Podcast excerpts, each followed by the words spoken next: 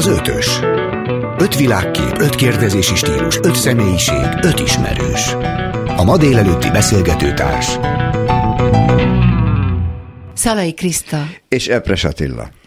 Lang György és Falusi Marian egy csodálatos páros volt. Én 1988-ban forgattam velük, és döbbenten néztem, 88, akkor még ugye volt határ. A forgatás Igen. után ők fölpattantak és elmentek Bécsbe koncertezni. És én csodáltam oh. őket. És már az akkori színes haj, minden, ami hát akkor reveláció volt. És onnantól fogva csodáltam őket. Csodáltam az emberségüket, a humorukat. Olyan, olyan páros volt, és közben olyan közösségteremtő képességük volt, ha, ha a koncertre mentem, vagy épp műsort vezettem, és ők léptek föl, hogy ámultam és bámultam. És az a csapat, tehát ilyen szerintem a mi szakmánkban nincs, hogy 35 évig együtt volt az a csapat. Ők együtt nőttek föl, együtt élték az életüket. Ez egyedülálló. Szerintem, hogyha az emberek a szívükre teszik a kezüket, akkor mindenki ilyen szeretne lenni, ilyen tiszta szívű, tiszta szavú, jó humorú. Amióta Lang Györgyi viszont elment, nincs közöttünk. Azóta önök, kedves hallgatók, szerdánként mindig más és más műsorvezetőt hallhattak. De a stafétát át kell vennünk, és át is vesszük. Innentől fogva szerdánként velünk találkozhatnak. Ez nagy debütálás nekünk, Epres Attilával, mert mi 40 éve ismerjük egymást, így számolgattam, hogy 20 évesen ismertük meg egymást, de mi soha nem dolgoztunk együtt, tehát a munkában soha nem, sőt, baráti társaságban sem találkoztunk. Igen, ez ritka, hogy az emberek így ki tudják kerülni egymást évtizedekig ebben a pici szakmában, de még valaki debütál velünk, például Kerekes Boris szerkesztő, aki egy nagyszerű szamárlétrát írt ide nekem, hogy ne izguljam túl az egész műsorvezetői posztot, és a. És nagyon szépen köszönjük Horváth Ádámnak, hogy támogat minket. úr, és itt van velünk. Ez, hogy mi nem találkoztunk a szakmában, ez írtó érdekes tud lenni, mert én egy tulajdonképpen kalandor életmódot értem idáig ebben a műfajban, 16 társulatnak voltam körülbelül wow. a tagja, laktam 17 helyen, és nagyjából mindenkit ismerek az országban, így aztán téged is, még főiskoláról, de nem játszottunk soha együtt. Hát mert én meg a magánzó vonalba mentem, én csináltam a magam előadásait. Igen, és nem tudom, tudják a színészek, vagy a, a hallgatók, hogy talán 1500 színész van Magyarországon, nem több, tehát igen nehéz volt ez a egymás kikerülése. Rögtön a rivalizálás az első témánk, ami, ami hát érdekes, mert valahogy így növünk fel. Nagyon sok gyerek így nő fel, már a családjában késztetést érez arra, hogy rivalizáljon valamiért. Volt neked egy olyan, emlékszel arra a pillanatra, amikor először féltékeny voltál, vagy úgy érezted, hogy valakit le kell győzni, vagy bántasz, hogy téged legyőztek? Én nagyon bátran ki tudom jelenteni, hogy a legjobb barátom az öcsém, Ó, oh, de jó neked. És hát legalábbis a legrégebbi legjobb barátom az öcsém, és talán soha életünkben nem vesztünk össze. Egyszer felbevágott a szekrény tetejéről egy fafurujával, de az okay. szerintem valami tévedés volt. Meg mondjuk betörte hétszer a fejét, abból kétszer én voltam a ludas egy kicsit, de ilyen rivalizásra nem emlékszem, és a szüleink sem presszionáltak minket se, sem erre. Hát nyilván nagyon, nagyon szerencsés, nagyon szerencsés családban születtem. Igen. És, és a szakma pedig hiába hírhette erről, a, a színházi szakma, ugye egy civil embernek főleg, azért nem ütött akkorát, mint amennyire féltem tőle. Voltak persze feszültségek, meg rivalizálások, meg szomorú, meg aggasztó történetek, ilyen különböző begölcsölt lelki alkatok részéről, de ezen valahogy az ember, ahogy idősödik, fölül tud emelkedni, meg megérti kicsit belülről, hogy az az ember ott akkor miért volt a rettető göcsös. Én magam soha nem estem abba a hibába, hogy valakit le akarjak nyomni, legalábbis ezen a területen. Sport területén persze mindig. Győztes típus szeretnék lenni lélekben, és magas szőke kék szemű, de de irítségem, meg fájdalmaim ebből nem voltak. Te, te ezt átvészelted, vagy, vagy jól, jól tudtál ezeken az akadályokon átugrálni? Ö- én, én, én, mivel én egyke voltam, és nem volt testvérem, ö, legalábbis nagyon sokáig nem volt, a, ö, én társaságra vágytam állandóan, úgyhogy én nem, nem versenyeztem. Ami ilyen fájó pillanat ö, eszembe jutott tegnap, hogy volt egy, volt egy csodálatos barátnőm, és egyébként meg mindig azt láttam, hogy mindenki sokkal szebb nálam. és na az borzasztó volt, amikor neki el kellett vinnie a szerelmes levelet, attól a fiútól, aki, akiben ráadásul én is szerelmes voltam. Tehát ez az érzés azért, ez egy nagyon fájó volt, de ez se volt rivalizálás, csak egy nagyon fájdalmas pillanat volt. Egyszer egy remek rendezőtől hallottam, hogy mi ezt csak sejthetjük, hogy nők egymás iránt mit éreznek. De nem, én De szerettem az én barátnőmet. A meglepetés számomra az volt, amikor a szakmába bekerültem, Igen. és azért ott itt van rivalizálás, és ezt meg kell tanulni kezelni. Nos, az első nekifutás, a mi mai műsorunk, a, az első műsorunk, az a rivalizáláson túl majd rendkívül érdekes témákkal foglalkozik. Az egyik nagyon érdekes pedig a romkocsmák, illetve a törzshelyek kérdése, ami, amihez majd szakértőkkel fogunk beszélgetni, bentről és kintről, a pult innenső és onnasó oldaláról, illetve olyanokról, akiknek ez nagyjából a mániája, és aztán fogunk beszélni a, A tetováló művészetről. festészet egyik modernkori formájáról. Igen. Felmerült bennem is, hogy én is csináltatok tetkót. Valahogy most, most jött a hívás 60 évesen, hát gyerünk, úgyhogy kíváncsi vagyok a tetováló művészre.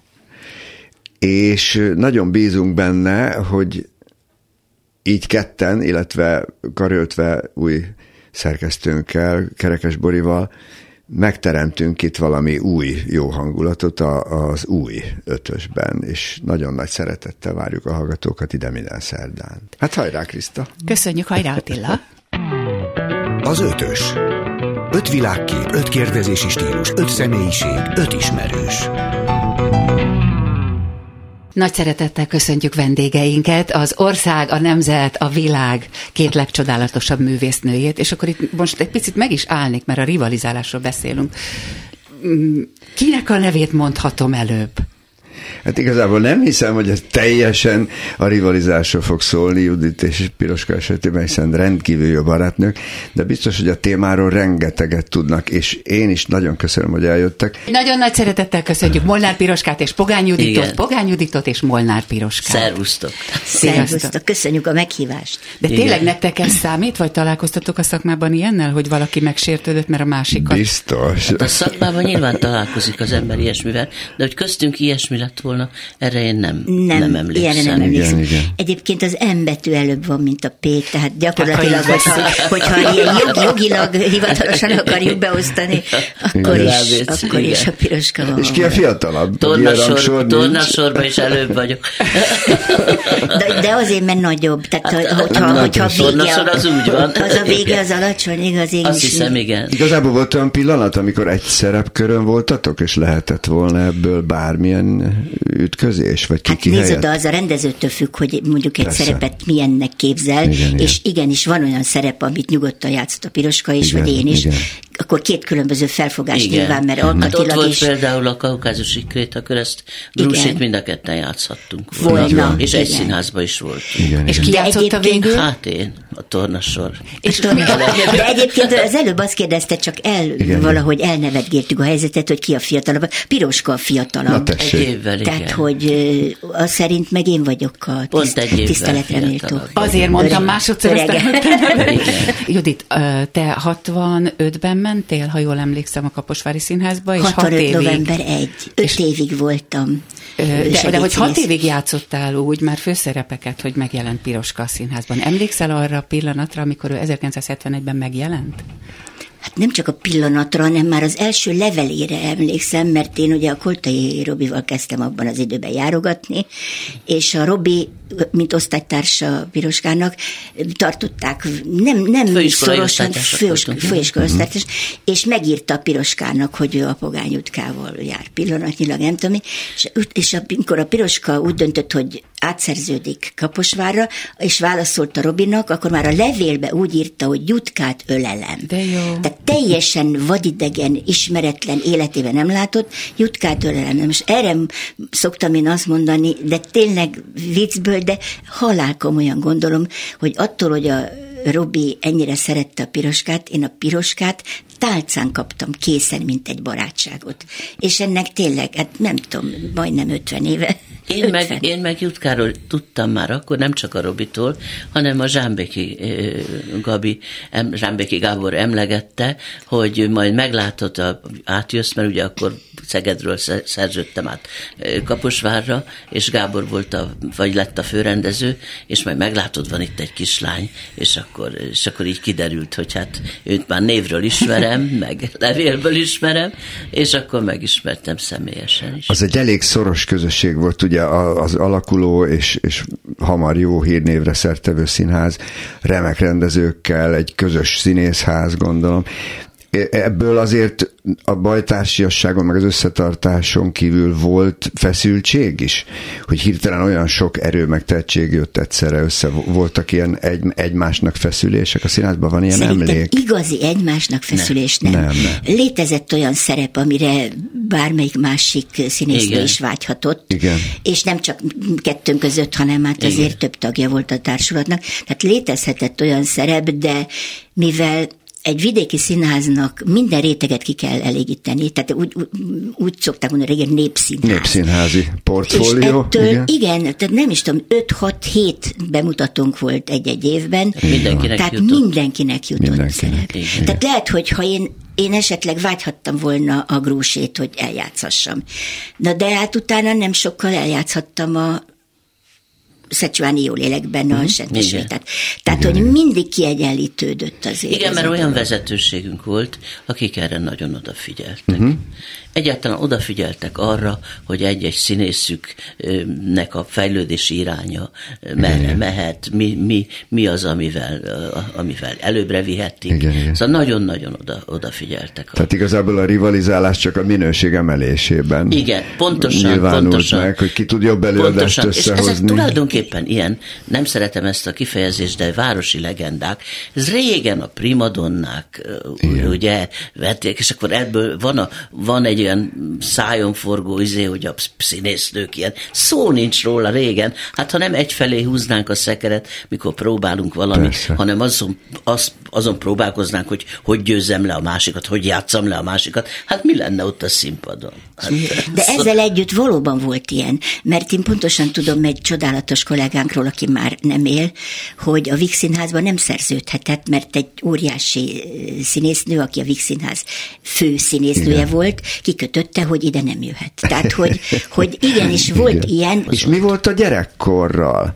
Tehát, hogy voltak testvéreitek, ott létezett a családban, vagy a szülőknél ilyesmi, emlékeztek ilyen kiskori pozícióharcokra esetleg? Pozícióharc, hát egy bátyám volt, Ugye? három és fél évvel idősebb, mint én, nekem ő volt az Isten, tehát olyan végtelenül szerettem, hogy amikor már édesapánk meghalt, anyám beteg lett, kórházba Igen. került, és én MÁV, gyámszülőkhöz kerültünk Budapestre, és én MÁV nevelőintézetbe kerültem, és utáltam a szuntyeruhát, tehát ezt szuntyeruhának hívták a mi egyenruhá, az egyenruhát Igen. is, meg aztán, hogy volt, hogy kimenőre mackónadrágba kellett kimennünk, fiatal kiskamaszlányok, hmm. érted?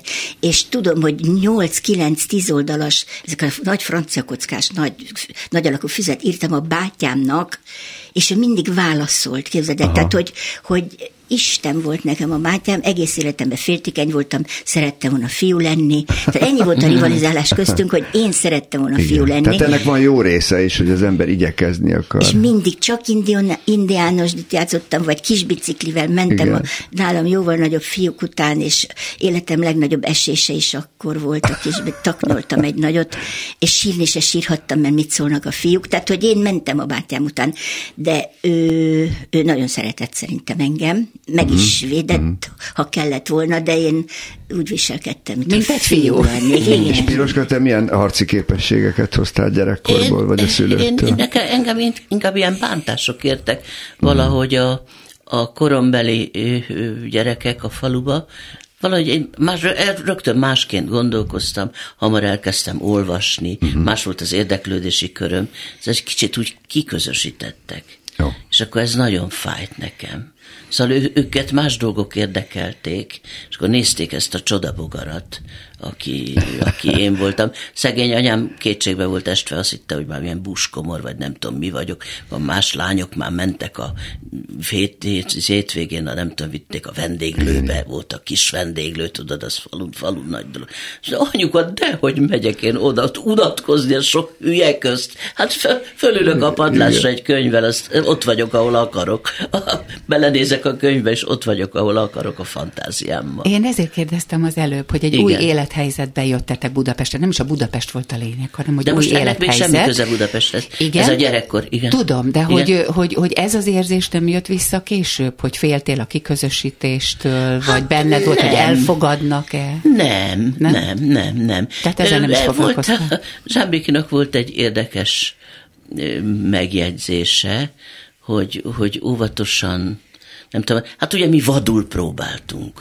Ők, ne, azt szoktuk meg, hogy rögtön belevetettük magunkat a dologba, és próbáltunk, és mint az fizikailag is. Tehát, és, hogy... és, és, igen, és akkor ezek meg néztek bennünket, mert ugye vagy a panyókára vetett kabáttal, vagy mondja meg a né- négernek, tudod, azok a nagy sztorik, hogy üzengettek egymásnak a rendezővel, vagy az asszisztenssel, és nem, nem egymásnak. A nagy igen, hát az régen, réges, régen volt, de, de, de, de nálunk is volt. De nálunk is volt az, a... hogy próbáltuk az éli menedék helyet, és ugye én Vasiliszát játszottam, aki egy nagy hangú, és, és le kellett szidnom az egy, egyik kollégát, tehát nem a kollégát, hanem a, azt, aki a, a szerepet, akit játszott.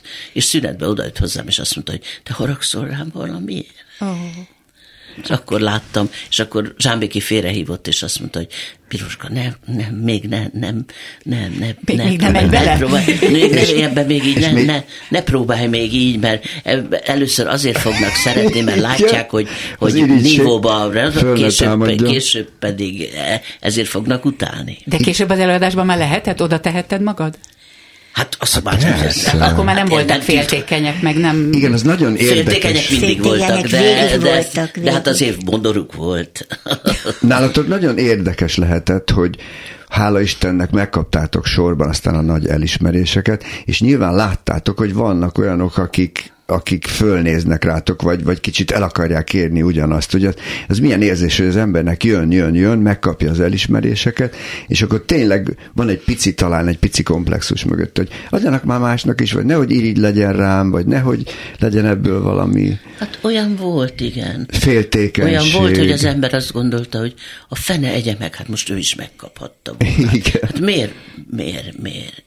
De, ugye... de, de attól, hogy a piroska még aránylag szakmai szakmailag időben megkapta a Kossuth díjat, én viszont akkor egy, nem tudom, 21 évig, vagy nem tudom, és semmit se, semmilyen meg, meg, megnyilvánulást nem kaptam a szakmában, én 60, nem tudom hány éves voltam, amikor a Kossuth díjat kaptam, és ettől a Piroska, amikor eljött megnézni a Pedig én anya voltam című előadást, akkor nagyon szorosan, nagyon szorítva megölelt, és azt mondja, erre most két Kossuth díjat adnék neked.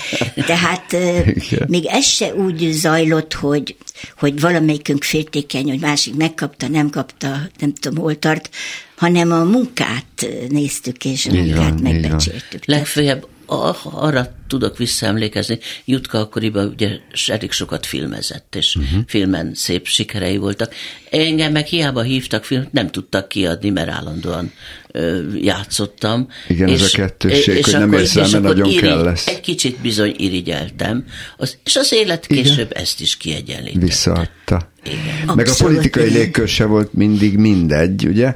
Egyszer a Jordán Tamás egy ilyen nagyon szép mondatot elengedett, és örökre megjegyeztem, hogy Azért nem jutottam rögtön előre, mert nagyon sok karrier hátráltató asztaltársaságnak voltam a tagja. És ez nyilván benne Szép. volt. Igen. Pontos fogalmazás, igen. Amikor, mert azért csak kimondtátok, hogy volt féltékenység a környezetetekben, azt hogyan kezeltétek? Tehát tudtad elég bölcsen, vagy tudtad szeretni azt, hát aki nem. féltékeny? Ráláttál-e arra, hogy miért féltékeny?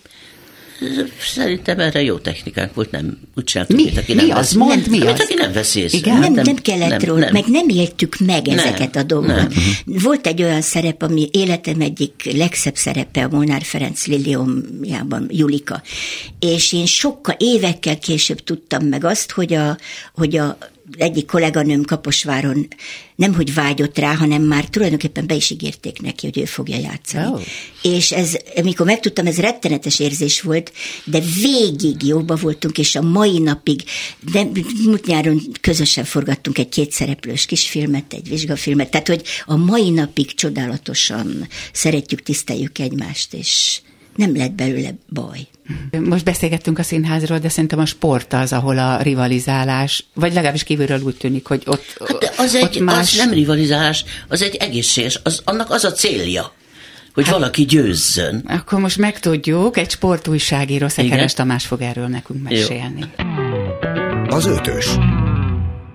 Szeretettel köszöntünk Szekeres Tamás újságíró a vonalban. Tamás, ö, arról beszéltünk eddig, hogy a színházban van-e rivalizálás. A Itt sportban... van velünk a stúdióban, Tamás nem tudja talán még, Molnár Piroska és Pogány Judit, és ők is erről a témáról beszélgettek ideig, de minket most általad az érdekelne nagyon, hogy a sportban, ahol ez nyilvánvalóan létezik, ez ad vagy elvesz ez a rivalizálás dolog? Először is képszókomat küldöm a. Köszönjük.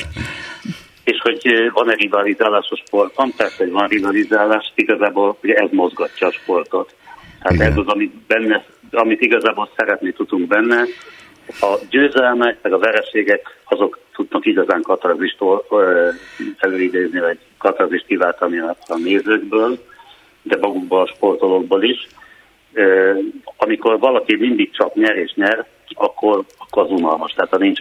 Itt van például az idei 1 idény, gyakorlatilag minden futamot megnyer Max, Max Verstappen, nincs igazából izgalom. Tehát épp a, a rivalizálás az, ami előre viszi az egészet. Jó, és a többiek mit éreznek ilyenkor? Vagy tudsz konkrét példát, amikor valaki nagyon mindig, például mindig csak második volt?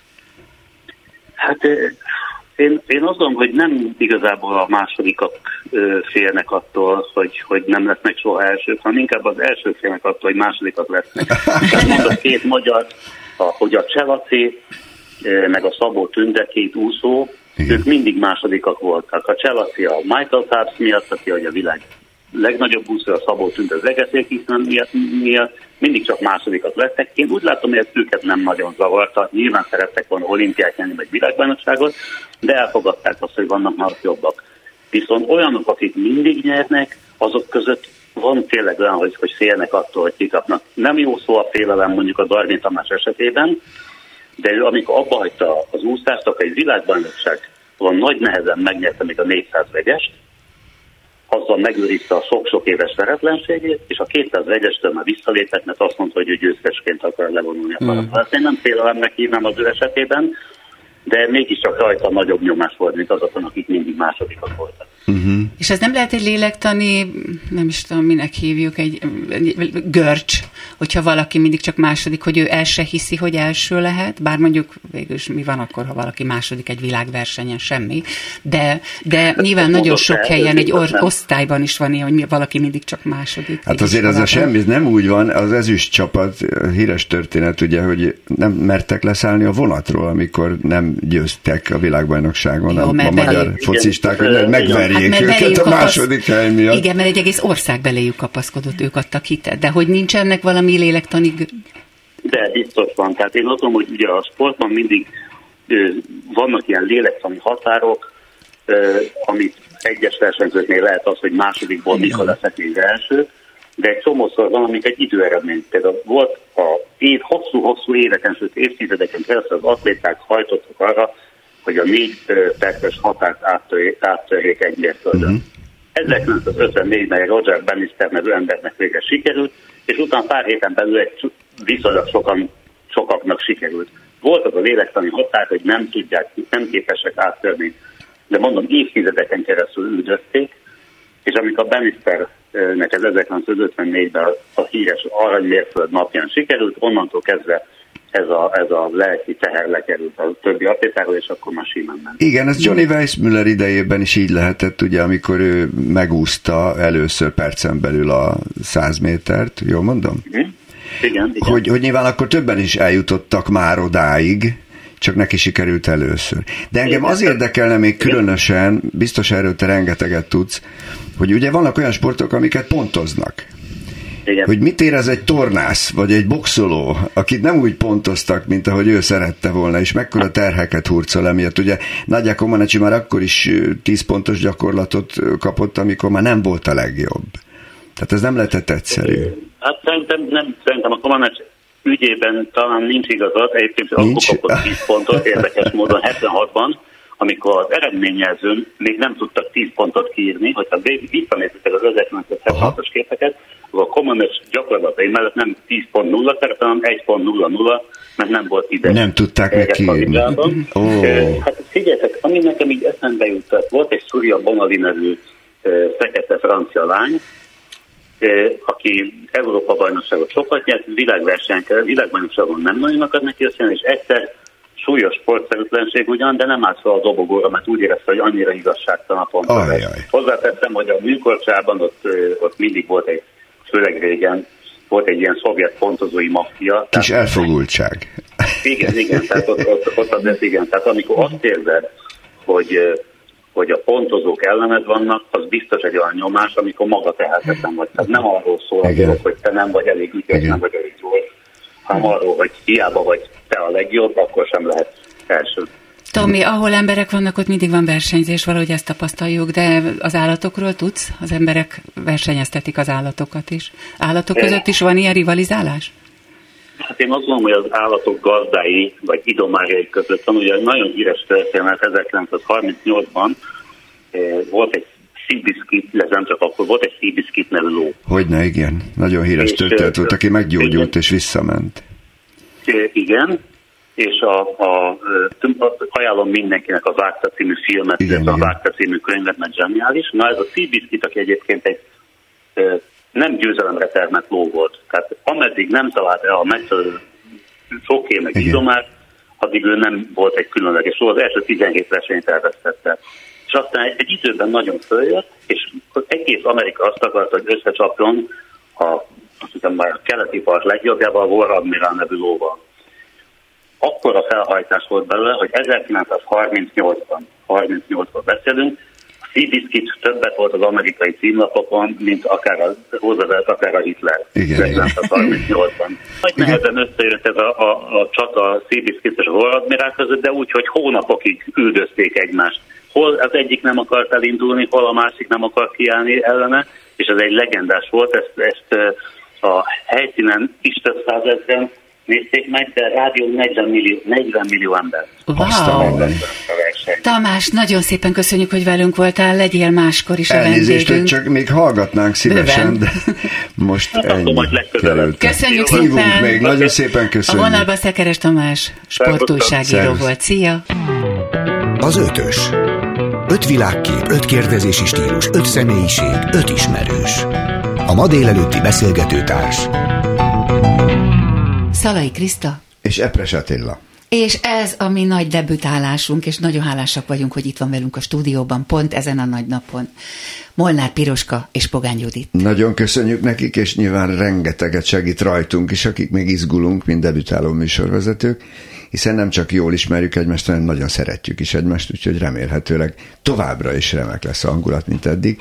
Szekeres Tamással beszélgettünk telefonon, és itt marad velünk Jutka és Piroska. Láttam, Piroska, hogy valamit nagyon szerettél volna mondani, vagy belül... csak igazolva láttam, amit, amit, mond, amit mondtam az elején, hogy hát a sport azért van, a rivalizálásért van. Tehát ugye, ugye jobban megfogalmazva az újságíró is ezt mondta. Hát persze, az a lényege. Hát lehet, de bennem, a verseny amikor, a lényege. Amikor én futottam, akkor bennem az volt, hogy, hogy, hogy nem a másikat akarom legyőzni, hanem a saját időmet akarom növelni. De nem is futó lettél. Hát nem lettem, de akkor élveztem, lettél. amikor csináltam. De, de tudod, ők élversenyzők, ők másként gondolják. Igen, de lehet, hogy ilyen színész is vagyok, hogy nem akarom a többieket legyőzni. Mit szerettél volna mondani, Jutka? Hát így, így konkrétumokat valamit a múltunkból Piroskával, így a rivalizálás témakörében, hogy amikor például Kaposvárok megrendezték a Mágnás Miskát, és Piroska lett a Marcsana, akkor például éreztem azt, hogy Istenem, de, de szeretném, tehát, hogy, mert a Kortai Robi volt a, a lovász, tehát a Miska, uh-huh. és akkor mi még ugye együtt értünk Robival, tehát úgy, úgy elképzeltem, hogy, hogy mennyire érezném, mennyire tudnám, csak hogy soha nem voltam elég jó énekes, tehát hogy én, én tudok magas hangokat, meg mélyet, de a kettőt összekötni nem, tehát mindig kínlódtam az énekléssel, Piroska meg remekül énekelt, úgyhogy csak néztem, néztem, hogy milyen jó, úgyhogy ezek, ezek így elmúlnak. Tehát szóba se került meg ilyesmi, mert, mert saját magát visszanyugtatja az ember, hogy, hogy hát ha egyszer annyira jók együtt, Érted? De szóval emlékszem, most így fel, felrém lett bennem, hogy volt olyan eset, amikor én konkrétan vágytam valami szerepre, és Piroska játszotta. De például igazi, csodálatos nagy szerepet, igazi főszerepet meg köszönhetek Piroskának. Na, Mert ha ő valamikor magánéletileg nem dönt úgy, hogy kér egy fél év fizetés nélkül szabadságot a színházban, uh-huh. akkor a Shakespeare, ahogy tetszik, éve Rosalindát biztos Piroska játszotta volna. De ő elment a férje után, Ötvös Péter, csodálatos zeneszerzőnk, tehát ő, elment fél év fizetés nélkül szabadságra, és a Zsámbiki rámosztotta a szerepet. Tehát olyan is volt, amikor nem hogy rivalizálás, hanem hogy köszönhetek neki, hogy, hogy valamit így, így eljátszhat. És az hogy volt kiskorotokban például, hogyha láttatok ilyen nagy összefeszüléseket nagy primadonnák, vagy nagy bonvivánok, vagy nagy főhősök, vagy főhősnők között, hogy hogyan lehetett ezt megélni, mikor az ember még ártatlanul és naívul csak mindent akar, hogy azért itt vannak komolyabb indulatok, amik hát gyorsan beújta a szemét, az ember elsöprött a környéktől. Veszélyes ne, én nem avatkozom be. Egy visszatérve kicsit, azt mondtál, hogy mondtad, hogy színésznő korodban se rivazi. Az szememben nem színész, aki azért játszik, hogy legyőzze a másikat. Uh-huh és nem pedig egyfelé akarja húzni a szekeret, hogy jó legyen, hogy jó legyen az egész, hanem a másikat akarja le, legyőzni. De tehát vannak, mondom, ez, ez, ezek ilyen, ilyen régi és primadonnás dolgok, de mesélt egy, egy író barátom, aki színész is volt, színészként kezdett, hogy gyerekkorában játszott a Víg egy, egy, egy gyerek szerepet. És volt neki egy, egy poénja, ami, amit nagyon szeretett a közönség, és hát kirobbanó sikere volt. És egy idő után nem volt taps, se taps, se nevetés, se semmi. És ő nem tudta, mint ártatlan gyerek, hogy mi, és szóltak neki, hogy egyszer nézzen hátra, hogy Aha. a Pá, Páger Antal... Gondoltam. Pá, hát most a, Págernek mondhatom már igen, a nevét, igen. nem? Az, attól még nyugodtan nem fordul meg a sírjába, ha most fölemelgetjük. Olyat csinált a Páger a poén előtt, hogy a közönség őrá figyeljen, ah, igen, és ennek igen. a gyereknek ne legyen. Tehát még a, arra is irigy, arra is irigy volt, hogy a gyereknek sikere van. Igen, én találkoztam ilyen kollégákkal, akik azt mondták, hogy jó van, majd találkozunk a színpadon, igen. és le akarta játszani a másikat. Igen, igen, De igen. hogy miért, akkor hol van a darab? Meg hát ez nem a... egy párba, igen. Nem, hát, nem. Ha megengeditek, ismeritek az Avar István történetét Pécsről, aki nagyon utálta, hogy a, az úgynevezett bonviván, vagy föhös a darabban olcsó poénokat durrant el, és a közönség pedig rettenetesen nevet Igen. rajta. Igen. Például az abgangja, a kimeneteli poénja az volt, hogy oda nyúlt a fogasra, és magára kerítette egy kalapot, amin rózsaszín tollak voltak, mert női kalap volt. Kiment az ajtó, és vissza, ha, pardon, és a kalapot két méterről visszahájította a fogasra. Borzasztó taps, és az avar fiatal színészként becsületes színészetet gyakorolva, ezt gyűlölte. És eldug, eldugta a kalapot, és a bombiván hátralépett, Megdermet, előre jött, esküszöm, így mesélte, és azt mondta, kedves közönségem, egyes szám első szemében, valamelyik irigy kolléga eltüntette a kellékemet az abgangomhoz. Kérem, hogy hozza vissza. Jézus. És ránézett az avarra, aki Félelmetes. kiment, behozta a kalapot, föltette, Igen. és akkor azt mondta az öreg színész, akkor onnan hogy? Jaj. Egy Jaj. perces tapsot kapott, és az avar elégett. Igen. Tehát ezek ilyen durvába is mentek. Én nem véletlenül kérdeztem, hogy mi a technikátok, az élet. Mert tulajdonképpen ez az élet. Az életben egy csomó mindent kell kezelnünk, és egyre, talán egyre bölcsebbek vagyunk, hogy ezeket egészségesen kezeljük, vagy egyre egészségesebbek legyünk. Hogy mi a, milyen technikát üzentek a fiataloknak? Nem csak aki színész lesz, hanem, hanem aki az életben helyt akar állni. De a fiatalok közt már nincs, nincs ez, és nem, nem is fordul meg a fejükbe. Uh-huh. Én, én azt látom, hogy más lett a szellem, tehát nem, nem, nem erről szól ma már a színház. Igazi színház nem erről szól ma már. Igen, és az életben, egy multiban, bárhol bemennek az emberek, és, és versenyeznek, mert meg kell felelni, hogy ne rúgják ki őket. Hát az más, ugye, mikor ma már ilyen állás interjúk, meg nem tudom, mik vannak, tehát nem csak akkor bizonyítasz, mikor a, már ott dolgozol és a munkáddal, hanem el, kell, kell egy első megfelelés, az, az bizony nyomasztó lehet nyilván egy-egy fiatalnak de hát ők másképp vannak már iskolázva, vagy szocializálva, vagy nem tudom, hogy kell ezt mondani. Tehát nekik ez már séróból jön, ami nekünk még esetleg ilyen nyögvenyelősen jött volna.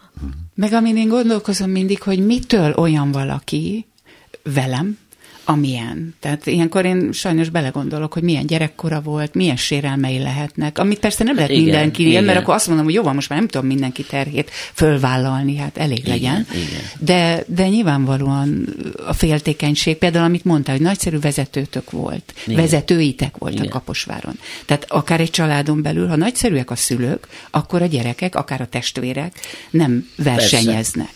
Ha egészséges légkörben nőnek föl. Ha meg ugye már a szülők is versenyeznek. Hányszor van, nem? Apuka inkább megengedő, Igen. vagy józsarú, rozsarút játszanak a szülők. Épp belenéztem, na most nagyon rosszul alszom már a életkorom miatt, és hát éjszaka ugye a laptoppal nézek ezt azt, meg belenéztem a korona sorozatba, és amikor még kislány az Erzsébet királynő és a Margit, ugye az, és akkor a, a Margit egyszer csak azt mondja, mert hivatja a papa a, az Erzsébetet, és a Margit mondja, hogy ő, ő, is, ő is megy. De nem csak én, engem hív, mondja ezé. De hát tud, tudod, hogy én vagyok a, kedv, én vagyok a kedvenc, és idáig jut, hogy a kedvenc, a Margit idáig jut, mikor az édesanyjuk közbeszól, hogy apátoknak nem volt kedvence, mind a kettőtöket ugyanúgy szeretett. Hát remélhetőleg. Igen, így, így kéne, hogy legyen. Judit, majd kérdezek valami furcsát, erről még sosem beszélgettünk, pedig régóta ismerjük egymást. Nem tudom, te hogy voltál vele, én mindig a tornasor végén álltam. Hát a legvégén. Igen. igen. Én voltam mindig a legkisebb, meg a, meg a legkevesebb hangú, szerintem te se voltál soha exhibicionista. De én teljesen Tényleg? exhibicionista. Nem én egész kislánykor. Na jó, mert azt az ember félreteszi, elrejti. Annyira, hát ilyen sérült lelkű gyerek lettem aztán így, így a, a családi bajhelyzetek Aha. során, és akkor én eldugtam minden ilyesmit, de Igen. amikor kis, igazán kislány voltam, három-négy éves, és mondjuk társaság volt a szüleimnél, akkor én a szomszéd szobába fölmásztam a zongoraszékre, és pöttyögtem, és énekeltem hozzá, addig hallott mese szövegek alapján költöttem a mostoháról, meg a árvalányról, nem tudom micsoda, és énekeltem, és azt figyeltem, hogy a másik szobába mikor kezd csendesedni a társalgás, és attól kezdve az még szebben kellett énekelnem, ugye, mert már tudtam, hogy rám figyelnek. Meg volt egy az ajtófélfa vízszintes felső részében be volt gyű, gyűrűhinta. Most azon kegyetlen tudtam bepörögni. És szállt a szoknyám, meg ott a bugyim, meg a világom, minden, és én ezt tudtam, és négy-öt éves koromban én ezt produkcióként állandóan, ha vendégek voltak, feltétlen bedobtam, és mindenki mondta, hogy ennyire ügyes kislány. Tehát, hogy, tehát, hogy nagyon... De aztán később, amikor gyámszülőknél persze, akkor már rejtőzködő, rejtőzködő gyerek. Igen, én, én már úgy ismertelek meg, mint aki nem akkora rejtőzködő vagy, mint a Gálfi Laci, aki effektíve el tud tűnni a társaságból, anélkül, hogy bárki észrevettem, hogy hol van. Én most már beszédesebb. Szóval, hogy mondjam, én inkább kibeszélek magamból igen sok mindent is. A Laci valóban egészen szemérmes és rejtőzködő, a Gálfi Laci. És úgy jártatok, már én vidéken sokszor, hogy jó darabig nehezen küzdöttem le az ellenézésemet kollégákkal szembe, akik penetránsul viselkedtek a rivalizálás ügyén. Hosszú évek óta megértettem, hogy miből jött a görcsük, de addigra már nem tudtam velük beszélni. Biztos láttatok közelre ilyeneket.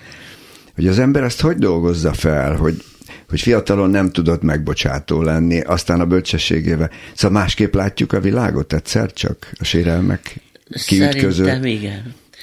Szerintem, vagy én legalább nálam biztos, hogy így volt. Szóval volt egy fejlődés, ele, eleinte rettenetesen meg tudtam bántódni, és meg, vagy valakire haragudni.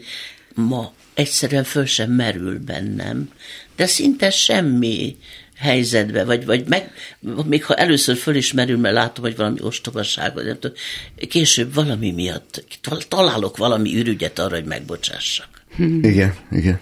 Szóval a megbocsátás az úgy, az úgy előre tolakszik egy bizonyos életkor után. Meg sokszor, Mert tudom, bocsánat. hogy valami mögötte van, amiről az előbb is beszéltünk, ugye, vagy gyerekkori sérelem, vagy, vagy, vagy mit tudom én, micsoda. Még sokszor nem is értjük, mondja. De egyszer volt egy egészen kirívó eset a Kaposvári Színháznál, név nélkül elmesélem. Az igazgatónk Babarci László elmondta végül nekünk, hogy tanuljunk az eseményből, hogy egyik kolléganő felment hozzá, és azt mondta, hogy tudja, hogy az összes húzó névnek, tehát vezető színésznek egyforma a fizetése, hogy azt kéri, hogy egyetlen egy forinttal legyen több az üvé.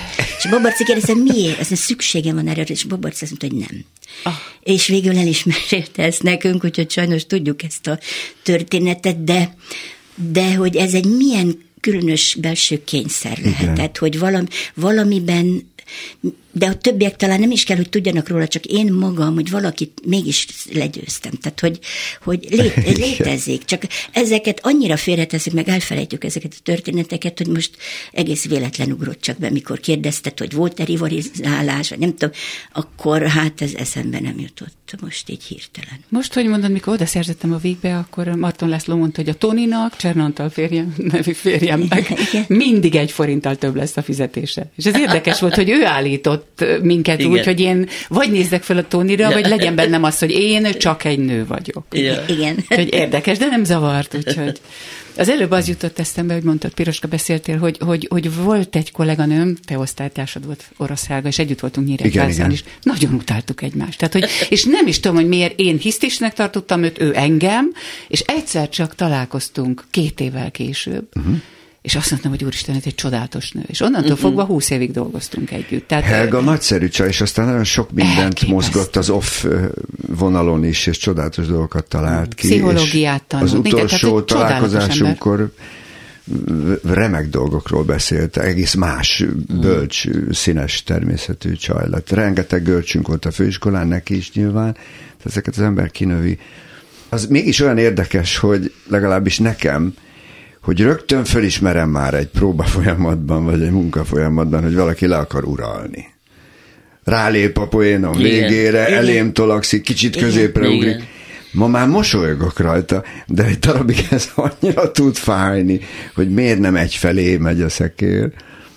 Aztán ezt valahogy kinőjük. Nem is tudom, hogy most, amikor ilyen válságos, enyhén szólva a kultúra helyzete, meg a támogatás meg, meg mondjuk úgy, hogy aránytalan a támogatás, hogy akkor vajon nem tűnik-e el az egészséges rivalizálás? Talán nem is csak a művészet területéről, hanem minden ilyen területről, ami mostohán kezelt. Ugye azért, mert nem lojális valaki. Hát lehet, hogy egy kicsit, eh, hogy mondjam, előtérbe kerül a foggal körömmel. Ugye? Eh, dolog. Kicsit vadul a, a, a helyzet. Igen, a helyzet hozza, hozza magával, hogy, hogy muszáj a, a valakiknek a könyök, könyökét Igen. használni, mert különben úgy érzi, hogy, hogy le, lemer, alá merül. Igen. Tehát lehet, lehet, hogy erre, erre sajnos sor kerül, vagy szükség, szükség Ma látok rá. is nyomokat, az, mert ugye idáig a rivalizásról beszéltünk jó értelemben. Igen de félek, hogy, hogy ezek a kényszerek, amik most a társadalmi feszültségből adódnak, Igen. ezek rossz vért szülnek, és már látok is rossz Igen, példát. ezt nagyon, ok, nagyon okosan gondolod. Hát pár napja beszélgettünk, és akkor még mindig fölmerült egy színház, akit nagyon szittak a társaságban, hogy, ő csak, hogy ők csak maguknak gyűjtöttek tavaly, ugye, amikor mindenki bajba került. És akkor ez egy nagyon érke, er, érdekes erkölcsi kérdés, hogy tulajdonképpen az ember csak magát mentse, vagy akkor nyissa szét akarják, uh-huh. és mhm. összefogni, és tömegesen. Igen, de mindannyian tudjuk persze, hogy egy, egy szándékolta megosztó rossz politika miatt alakulnak ki ezek a rossz dolgok, és igazságtalan minden belső kritika, hiszen a küzdelemből fakadnak ezek a görcsök, meg ezek a rossz Ez a baj, hogy kenyérharc eluralkodik, igen, és igen. akkor már tényleg muszáj küzdeni, vagy harcolni a másik ellen. Igen, akaratlanul akkor- is, igen, vagy igen. akaraton kívül is, igen. Hát én nemrég Alpokban sétálgattam, és ugye az országunkon gondolkoztam, ugye mit is gondolkozhattam volna ott azon a gyönyörű helyen, és hát igen, mondtam Tóninak, a férjemnek, hogy itt ebben az országban már egy vezetőnek semmit nem kell csinálni. Ők már bedobták a véres koncot, és tulajdonképpen itt az emberek megteszik egymás ellen, amit. És kéne az a pont, hol lehet az a pont, amikor azt mondjuk, akár színházban, akár az országban, hogy emberek forduljunk egymás felé, és fogjuk meg egymás kezét, mert csak, csak mi tudunk jó életet élni együtt. Hát Erre? ez idealizmus, ez ilyen nincs. Tehát ez, ez nem lesz, ezt, ezt meg kell próbálni bölcsen, okosan, türelmesen egymás iránt valahogy megbocsátóban élni, de ez, hogy egyszer csak úgy azt mondjuk, hogy jaj, fogjunk össze, hol van a kezed, gyere, fogjunk össze. Ez már nem? Ez nem, naivitás, ez már igen. igen? Meg ráadásul ez a szakmánk, ugye a színháznak mindig a problémás dolgokkal kell foglalkozni. Igen. Egyszer az Aser Tamás, a ti nagyszerű mesteretek, meg az enyém is kicsit azt mondta, hogy valószínűleg akkor keresünk jó irányba, ha a sötétség felé megyünk. Mert akkor izgalmasabb dolgok fognak előkerülni.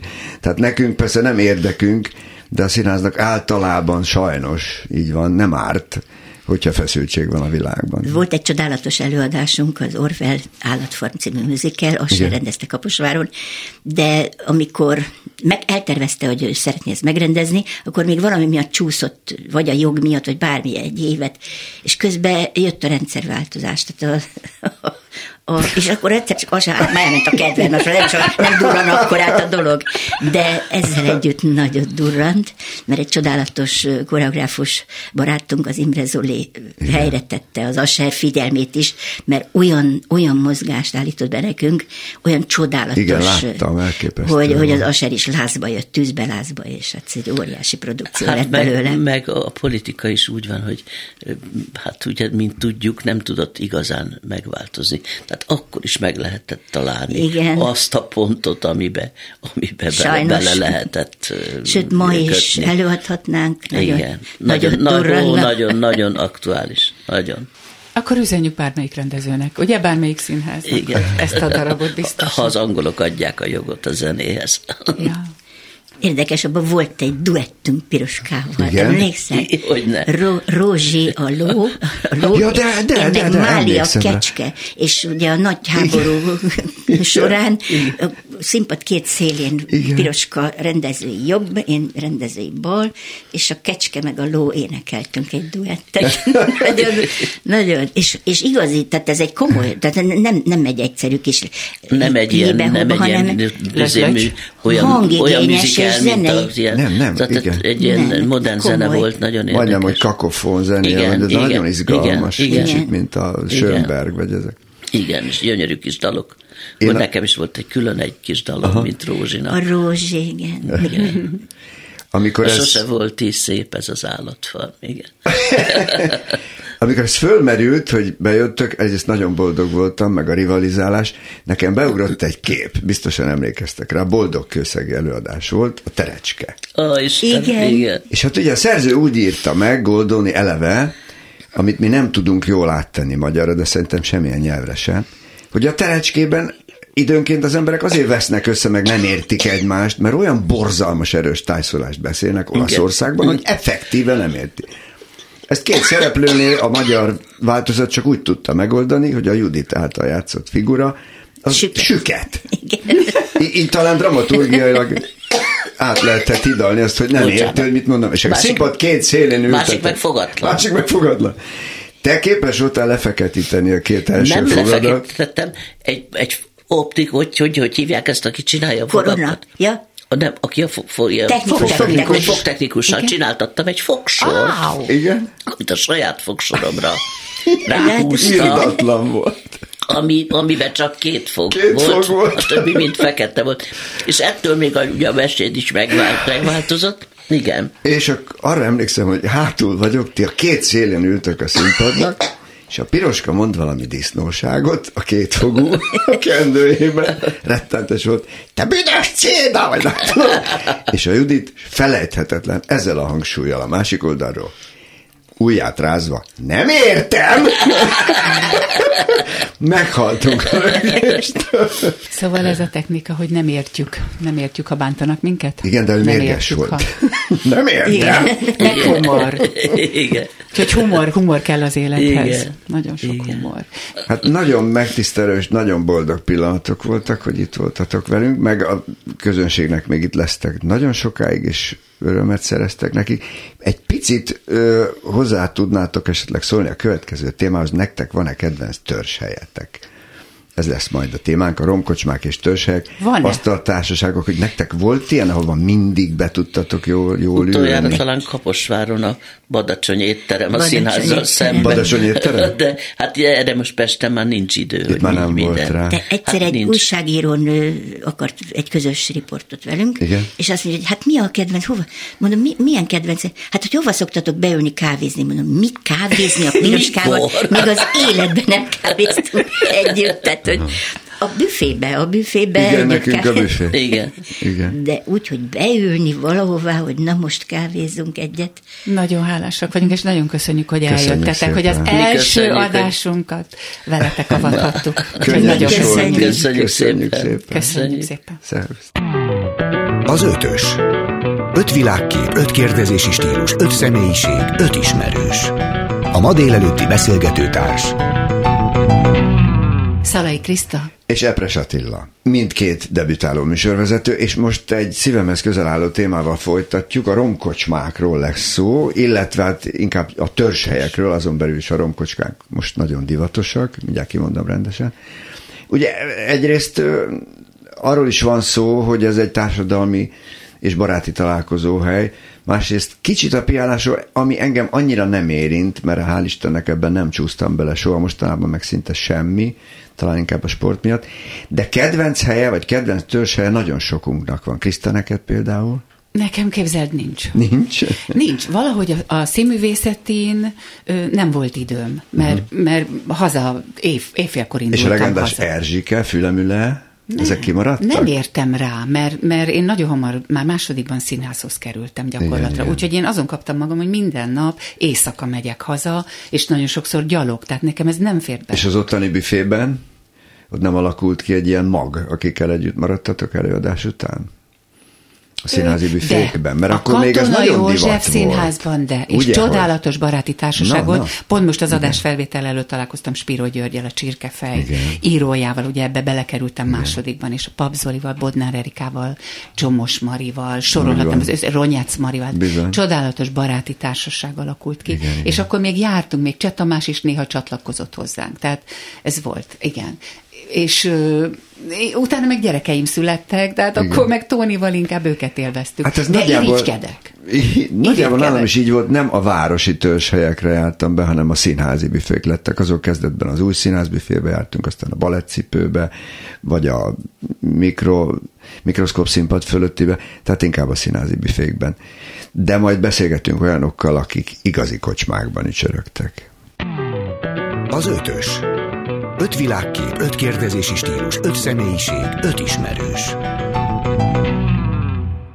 Szervusz, Pipó. Laci, barátom és kollégám, mutasd be önmagadat, légy szíves. Ö, Pipó László vagyok, színész, meg fordítok, meg pultoztam, és hát úgy nagyjából ennyit tudok elmondani magamról. És nagyon köszönöm, hogy eljöttél, abból az alkalomból vetődött föl, hogy te beszélgess velünk, hogy rettentő sokat tudsz erről, hiszen jó darabig álltál egy belvárosi népszerű kocsma pultja mögött, és nagyon érdekes dolgokat láthattál onnan bentről. Ez érdekelne minket a törzshelyek témában. Hát a nevet azt mondhatom? Persze, persze, Ez az ellátó bár volt, majd utána egy év múlva az ellátó kert, amit kilenc évig csináltam. Csodálatos időszak volt, főleg a bár része. Egy ilyen nagy család volt, tehát hogy a vendégek is családtagok voltak, körülbelül 200-500 ember, és mindenkiről tudtuk, hogy ki kicsoda, hogy hívják a feleségét, gyerekek hogy vannak, kisállatok, Ö, és tehát, hogy na- na- nagyon-nagyon jó kis hangulat volt. Ez mennyi idő alatt alakult ki? Tehát oda mentél dolgozni, akkor még csetlettél, botlottál, és aztán egyszer csak Mármint a pultozás? Ö, annyi... a, a, a kapcsolatteremtés, A és az információ. ö, Volt nálunk egy, egy szupersztár, Judy, ő Gyure, Gyure Judit, ö, ő körülbelül 30 éve dolgozik vendéglátósként, illetve van civil foglalkozása, tehát napközben ő egy reklámcégnél dolgozik, esténként pedig heti háromszor pultozik. Na, mert most ő mindenkit ismer, mindenkit is ismer, és ő vonzotta be főleg az embereket, és mivel voltunk körülbelül 80 pultosok, és különféle emberek, tehát volt rocker, volt szerb, színész, alteros, tehát mindenkinek jöttek a barátai, és a társaságok összebarátkoztak, és akkor így bővültünk, bővültünk, de hát a Judy volt a fő. És akkor nem is az volt, hogy te oda mentél, így ilyen kis Nem, az úgy volt, hogy nekem és az- segítsetek. A, az egyik legjobb barátom vezette ezt a helyet. Tehát ez nekem törzshelyem volt. Tehát eleve a színészetből úgy kerültél oda, hogy Úgy kerültem oda, hogy mivel Te már törzsvendég akkor, voltál? Én törzsvendég voltam, ö, és a legjobb barátom vezette a helyet, és mivel már akkor jól fizették a színészetet, Hogy? amikor leinkasszozták a számlámat, akkor bementem a Ferkóhoz, és kérdeztem, hogy tudnék-e ott dolgozni, és erre azt mondta, hogy azt hittem, hogy már sosem kérdezed meg, és következő héttől én pultos voltam. Aha. Ö, azért az nagy flash lehetett. Hát nem volt választási lehetőségem, de mivel ismertem az összes pultost, meg az összes többi Ja, vendéget, ö, nem az volt, hogy ültem a pult egyik oldalán, hanem kiszolgáltam a pult másik oldalán, és Tehát akkor te már mindenkiről mindent tudtál, amit én az előbb kérdeztem, igen, hogy igen, nem kellett igen, beavatni, hogy figyelj, annak az úrnak vidd két cukorral, annak Egyébként varázslatos hely, mert hogy ha valaki beült, akkor vagy imádta a helyet, és fél órán belül mindenki mindenkivel beszélgetett, vagy ha nem jött be, akkor, akkor, nem, akkor nem jött vissza többet, de általában mindenki visszajött. És e- ettől működött a hely. Te is neked kellett tudni a specifikákat egy-egy törzs vendégről, hogy éppen mi a happy vagy milyen hangulatban van, vagy mit szeretne? Ö, azt, mivel nagyon-nagyon figyeltünk egymásra pulton belül és pulton kívül is, uh-huh. azt egy idő múlva tök tudtam, hogy mit tudom én, a Gips Jakab picit szomorúan jön be, akkor őt hagyni kell, és akkor majd egy idő múlva elmondja, vagy magától elmondta, vagy tehát előbb-utóbb kibukott, hogy kinek mi baja van, és akkor próbáltuk megoldani, meg a vendégek is próbálták egymás közt megoldani. Igen.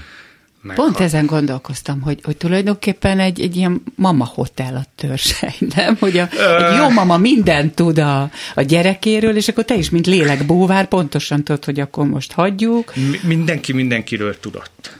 Tehát, hogy amikor Igen. bejött valaki, akkor megkérdeztük, hogy van a gyerek, hogy van az asszony, mi van a munkahelyén, ha ők látták, hogy valami baj van, mondjuk szomorú vagyok, akkor meg mindenki megkérdezte, hogy mi bajom van. Igen. Tehát egy, mondom, egy ilyen családként működött ez a Ez hely. elég jó érzés, nem? Egy ilyen Ez egy biztonságos, nagyon- van egy ilyen Mhm. szociális háló, ami csak a tietek. És láttál ott embereket alkotni, mondjuk? Ö, igen, írni rengeteg uh-huh. embert. Ö, voltak, mit tudom én, képzőművészek. Tehát egy kicsit akvarell. folytatódott a régi budapesti hagyomány Hát ebben? ez, a kávéházi? Ö, igen, tulajdonképpen igen, az volt a helynek a specifikációja, hogy volt az étterem része, és volt egy emeleti része, ahol ilyen díványok voltak, tehát oda el lehetett vonulni, olvasni, beszélgetni, alkotni. Csomóan csinálták azt, hogy bejöttek mondjuk 11-kor, akkor nyitott a hely, és akkor leültek a pulthoz, és írtak. A Aztán pulton. elmentek, aha, De érdekes. Igen. és akkor izé, hogy kérdeztük, hogy beszélhetünk-e, mondta, hogy most nem. És olyanról tudtál, hogy valaki, ugye vágytok, tehát valamiért a törzselyre vágynak az emberek, de mondjuk otthon ez feszültséget jelent, ha például családja van, hogy akkor ne menj már, maradj itthon velünk.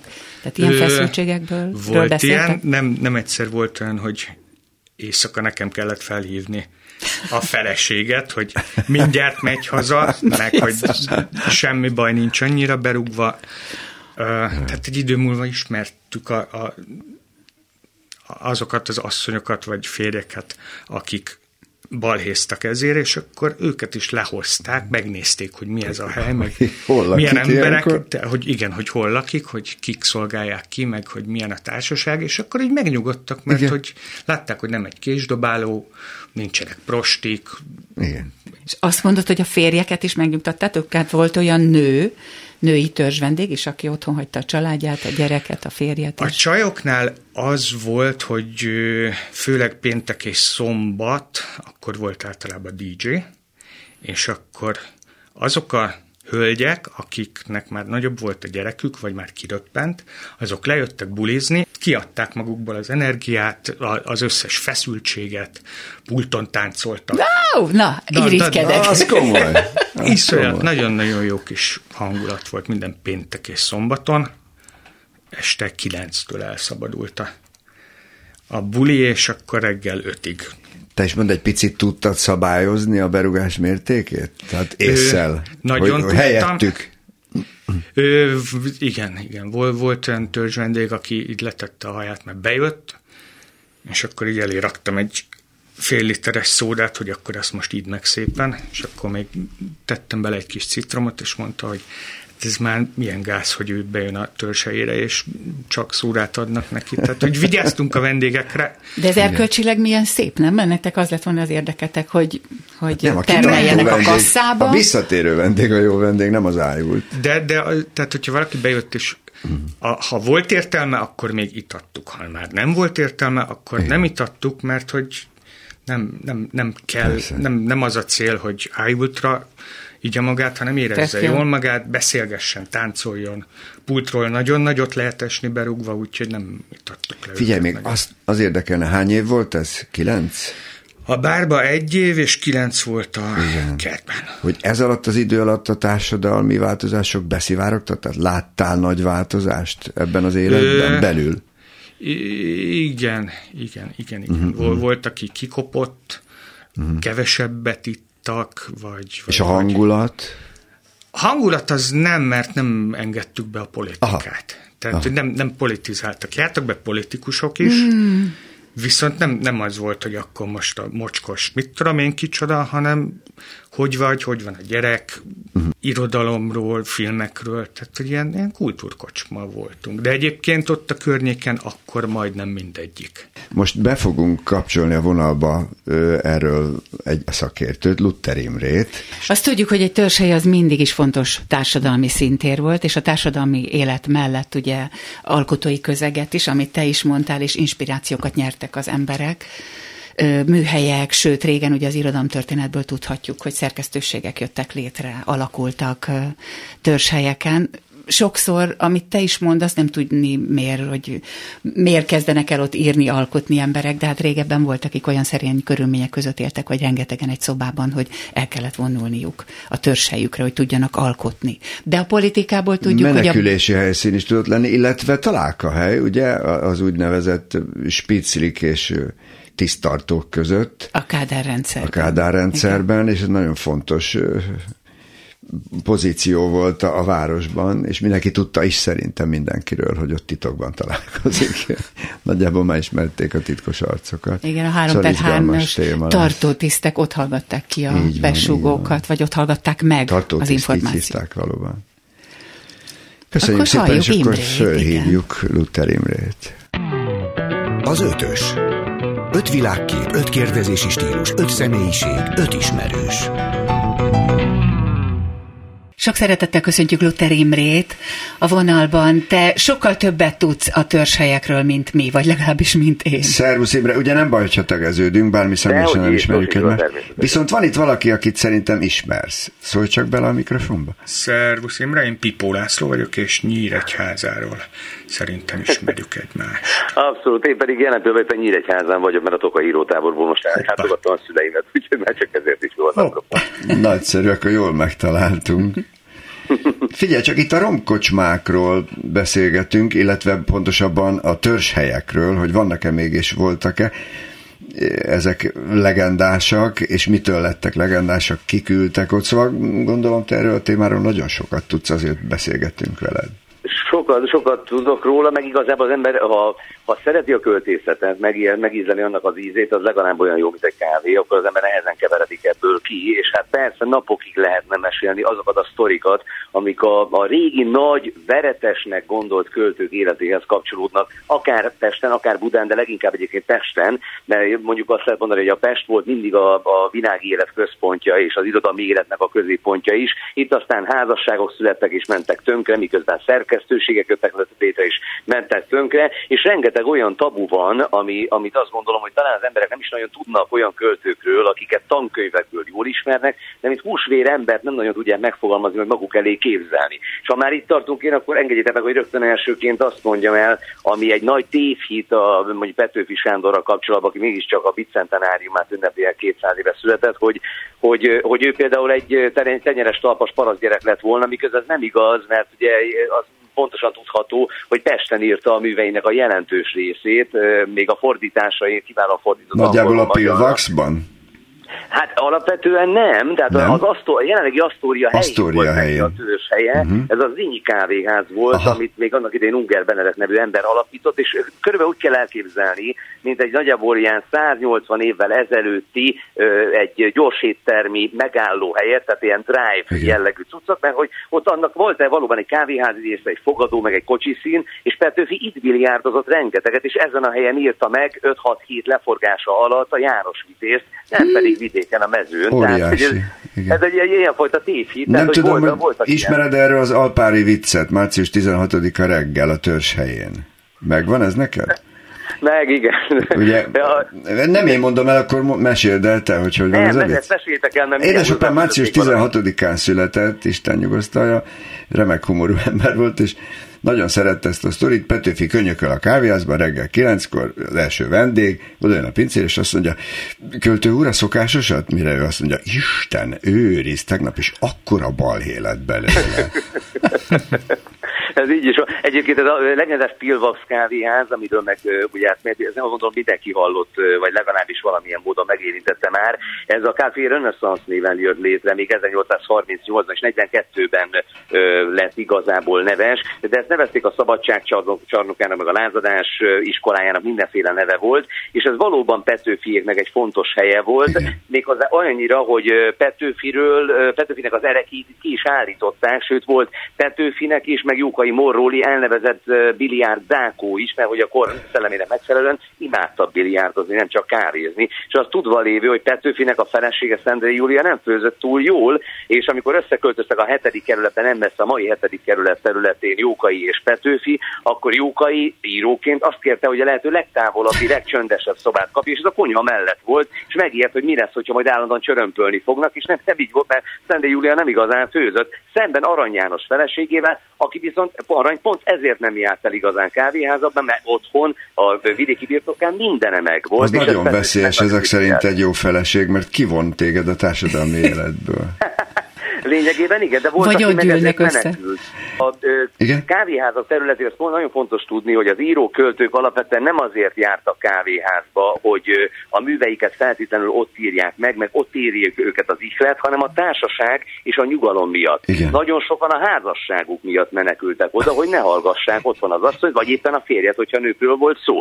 Tehát ez egy, ez egy menedék is volt egyben, nagyon Igen. sok esetben, és ezért alakultak ki olyan bázisok, hogy, hogy tudva lévő, hogy Adi például konkrétan mely törzshelyeit kereste föl, vagy József Attila akár a szabad ötletek jegyzik de rengeteg versét hol, melyik szegletben írta, uh-huh. és hogy mondjuk hogy kellett, hogy megosztozzon egy-egy bablevesen egy, az akkori egyik meccénás, aki ezt a bizonyos japán kávéházat, a mai írókboltja helyén lévő kávéházat üzemeltette, ez Kraszner, Kraszner mennyiért volt, ha jól emlékszem a neve, aki, aki például segített abban, hogy hitelre adott bableves nekik, hogy tudjanak enni. Uh-huh. Tehát ez nagyon érdekes, meg izgalmas dolgok, túl azon, hogy igen, volt olyan helyzet, amikor valóban e, itt születtek nagy házasságok, például Babics Mihály is e, képes volt itt megkérni Török Szofikert, mármint kávéházban megkérni Igen. Török Szofinak a kezét, e, miután Szabó Lőrincel egy e, furcsa orgiák éjszakájának, Török Szofiára orgiák éjszakájának nevezett este után eldöntötték, hogy mégse Szabó Lőrinc felesége legyen, hanem Babics Mihályé, és ezt közölték a nővel telefonon, aki ezt elfogadta.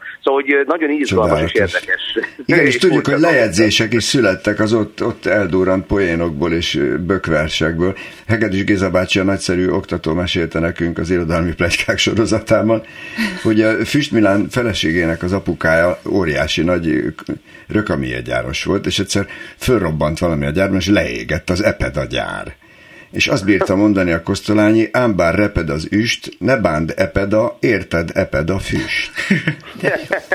De azt is tudjuk, ugye, hogy Dostoyevsky fejezetenként adta le a, a fantasztikusan összeszerkesztett félkegyelműt, vagy a bűn és bűnhődést, de Rejtőjenő is állítólag így élt meg, hogy fejezetenként adta oda ezeket a fantasztikus dolgokat. Ez igaz? Melyik kávéház lehetett ez? Azt nem tudom, hogy rejtői az melyik volt, de nagyon sokan így alkottak, uh-huh. már mhm. csak azért is, mert hogy akkor könnyebben jutottak hozzá az egyébkénti honoráriumhoz. Igen. Tehát, például, például Petőfit is gondoljátok el, hogy ugye ő volt az első, aki lefordította Robin Hoodot angolul magyarra, de neki azt úgy kellett megírnia, hogy távol kellett lenni ettől a bizonyos kávéháztól, a mai Asztúria helyén álló kávéháztól, olyannyira, hogy elvitték őt vidékre Gödöllőtől nagyjából 5 kilométer egy pusztára, mert? hogy addig semmit ne tudjon csinálni, ne kávézzon, ne beszélgessen, ne biliárdozzon, mert már el volt adva a nevével az összes kijövő könyv, és felvette a 400 aranyforint honoráriumát, ami óriási pénz volt, és egy hónapja volt lefordítani a Robin Hoodot, de lefordította, tehát gyakorlatilag meg sikerült egy remek művet alkotott, de, de mondom, ez volt az ára, hogy ő nem mehetett kávéházba addig, mert a kávéházban ment volna, biztos, hogy nem lett volna kész. Elképesztő vagy. Te honnan tudsz ennyi mindenről? Mi, mi, miért érdekel? Szerintem ez a mániája, hogy ez, ez az akkori plecska. Hát igen, picit azonosul is vele, meg hát meg kell mondjam azért, tehát ma, amikor arra tekintünk, hogy ma például hova járnak a költők, meg írók, mert azért gondoljatok bele csak, hogy néhány helyet a, a régmúltból föleleveníteni, hogy a Pilvax, ami ismert persze, de ott volt a Csiga, a, ami 1892-ben nyílt meg, és hát Vörös Martit rengeteg bírálat érte, hogy ő a, nemzet költője ne járjon ilyen apró lebujokba, meg, meg, meg holmi kávéházakba, mert az volt a törzshely, de a Pilvax, ott volt a Hadik, a Cent, Centrál, a New York kávéház, ami egyébként ugye ezek egy része vissza is jött, még szinte azonos néven is, vagy a Dériné, a Kéli, a, a, a vadászkültszálló, a Háromholló, vagy Adinak ugye Nagyváradon a Royal Kávéház, ami a New York mintájára épült meg, vagy a Szabadság, ahol írt a Harca Nagyúrral című versét, van is egyébként egy Adi portréot kitéve a Szabadságtéren, és ma, belegondolok, azért nincsenek egyébként nagyon, most beszélgetünk az írótáborban, Erős Kigával, az Írószövetség elnökével, Kukorelli Bandival is arról, hogy miért nem járnak vajon most úgy igazán az írók kávéházaba, mert van néhány azért, amit felkeresnek, tehát a Hadik a New York Central mellett a Magvető Café, a Kakas, vagy például a Bajnok utcában, vagy a Bajnok Presszóban jártam az István utcán, Bella Pistával a háza tövében volt, és nagyon sokat beszélgettünk ott. De és miért nem járnak? Mert, mert hogy megszűnt a dohányzás. És nagyon De. sok költőíró dohányzik, aki egyébként úgy alkotott, meg úgy beszélgetett, és miután megszűnt teljesen, tehát hogy elkülönítetten sem lehetett dohányozni, és akármilyen furcsa, ez tényleg így van, onnantól kezdve megszűntek nagyon komoly baráti társasági összejövetelek, de azért azt hozzá kell tenni, hogy komoly szerkesztőségi összejöveteleket azért lehet találni például a keletkávézóban, ahol ami egy ilyen interjús randi helyszín is egyben, vagy például a Parnassus folyóiratnak Turci István a saját házában ad otthon. A Magyar Versmondók Egyesülete szerzőiben mi is rendszeresen jövünk össze igen, olyan igen. helyeken, Tudom, ami, ami, ami kávéházszerű, hogy, hogy tudjunk, tudjunk alkotni, mert egy, egy olyan környezet, ami, ami mozgat téged, és fontos, hogy, hogy érjenek impulzusok. Fantasztikus képességed van, és örülünk, hogy ezt a skillt most ki tudtuk használni. Nagyon köszönjük, Nagyon köszönjük, köszönjük, hogy velünk voltál. Köszönjük, köszönjük. szervusz. Szia, Köszönöm, szervusztok. Az ötös. Öt világkép, öt kérdezési stílus, öt személyiség, öt ismerős. Laci, mondtad Pipo László a stúdióban, aki színművész, fordító, és... Pultos. De most már nem mondhatom, pultos. hogy pultos, mert mostanában nem. Ő nem, azt hál' Istennek abban Még egy picit azt is mondhatjuk, hogy szinkronfordító, ami egy különös mesterség. Ö, igen. Hát ő hát, szájra írja a ír, így szoktuk mondani. Milyen nyelvem? Angol mármint hogy angolról magyarra. Ugye akik most kapcsolódnak be, akkor azoknak, azoknak a kedves hallgatóknak elmondjuk, hogy te az ellátóban dolgoztál kilenc vagy tíz évig. Tíz évig. Ugye? Igen, tíz évig. Volt olyan pár, akik nálunk jöttek össze, a hölgy sem ivott, Igen. tehát üdítőzött, a fiatal ember az meg maximum sportlépéshez, az egy deci bor, négy deci szóda, és egy tehát hogy egyet ivott esténként, és amikor összejöttek, és megszületett a kislányuk, akkor az ellátó után Ellának hívták. De jó, ja, hívják, de szép. Köszönjük, hogy Én köszönöm a meghívást. Az ötös. Öt világkép, öt kérdezési stílus, öt személyiség, öt ismerős. A ma délelőtti beszélgetőtárs Szalai Kriszta. És Epres Attila. Beszélgettünk ma már a rivalizálásról, a törzshelyről, törzsvendégekről, és ahogy ma ígértük, még lesz egy témánk a mai ötös utolsó felvonásában, a tetováló művészetről fogunk beszélgetni. Amikor az enyémet csinálták 2000 körül, még nem tudtam, hogy van-e olyan szer, amivel ezt pillanatok alatt el lehet tüntetni egy forgatásra vagy ha színpadra lépek, akkor egy tetkó mennyire lóg át egy sminken. Szóval akkor nem te nagyon egyszerű. modern vagy, és úttörő. Hát, 2000-ben már... Az öcsémnek rég volt tetoválása, nekem akkor volt egy magánéleti hátraszaltom, és akkor az új kapcsolatommal együtt csináltattunk tetoválást. Ő színházi asszisztens volt, én pedig színész, és úgy döntöttünk, hogy föl, fölvarrunk egy ilyen kis sírnevet maszkot, van a vállamon egy ilyen négy cent is. Tetkos Tamás barátom csinálta Balaton Bogláron, nagyon jó arc. Mindig mondja, hogy miért nem jövök felújítani, mert már nyilván elhalványodott. De engem mindig nagyon izgatott az, hogyha valaki látható jó helyekre nagyon szép tetkókat rak föl. Most pedig itt ő velünk a stúdióban ennek a művésze, Oravet Szabolcs, szervusz, köszönöm Szia, a stúdióban. Sziasztok, köszöntöm a kedves hallgatókat. Mi az, az eredeti foglalkozásod? Én rajztanár vagyok. Rajztanár vagyok, 2007-ben diplomáztam Egerbe, vizuális, rajzvizuális kommunikáció szakon, mint művész tanár, úgyhogy közel áll ez a... Tehát nem matek tanárként ne, fogtál, az, az nehéz lett volna az én képességeim. Ez körülbelül ugyanolyan uh, bulis szak, mint annak idején a rajz, földrajz, mondjuk, mert nekem ez... a legrégebbi egri barátom az onnan van rajz, földrajz szakos, Hosimin, akkor még úgy hívták, rettentő bulis társaság. Hát azt kell elképzelni továbbfejlesztve. hát me, me, me, akkor nagyon-nagyon megér ért oda járni. Azon felül, hogy egy nagyon komoly tudás bázist kaptunk. Igen, igen. Ő például most Heredi Győzőnek hívják, Kaposvári Egyetemen tanít 3D látványtervező szakon, és hát nagy, nagyszerű dolgokat ér el az tanítványaival. És te egyszer csak belecsúsztál abba, hogy ez a képzőművészeti felület a bőr lesz, ez hogy jött először? Hát ez mindig is tetszett nekem, úgy, mint minden művészeti ág, és amikor a tanulmányomat folytattam, középiskola, főiskola, akkor egy, amit említettem a tegerbe, egy nagyon szertágazó tudás alapot kaptunk, úgy a számítógépes grafika, szobrászat, rajz, festészet, stb. Én mindenféleképpen festő szerettem volna lenni, nekem az volt a nagy álmom, mai uh-huh. napig is festek, vannak nagy festő kedvenceim, uh-huh. úgymond. De valahogy, ahogy a, az évek teltek, és láttam magam körül művészeket, akik ebből élnek, nagyon kicsi százalékban láttam magam előtt azt, hogy hát nekem ez az élet, ez jó lenne.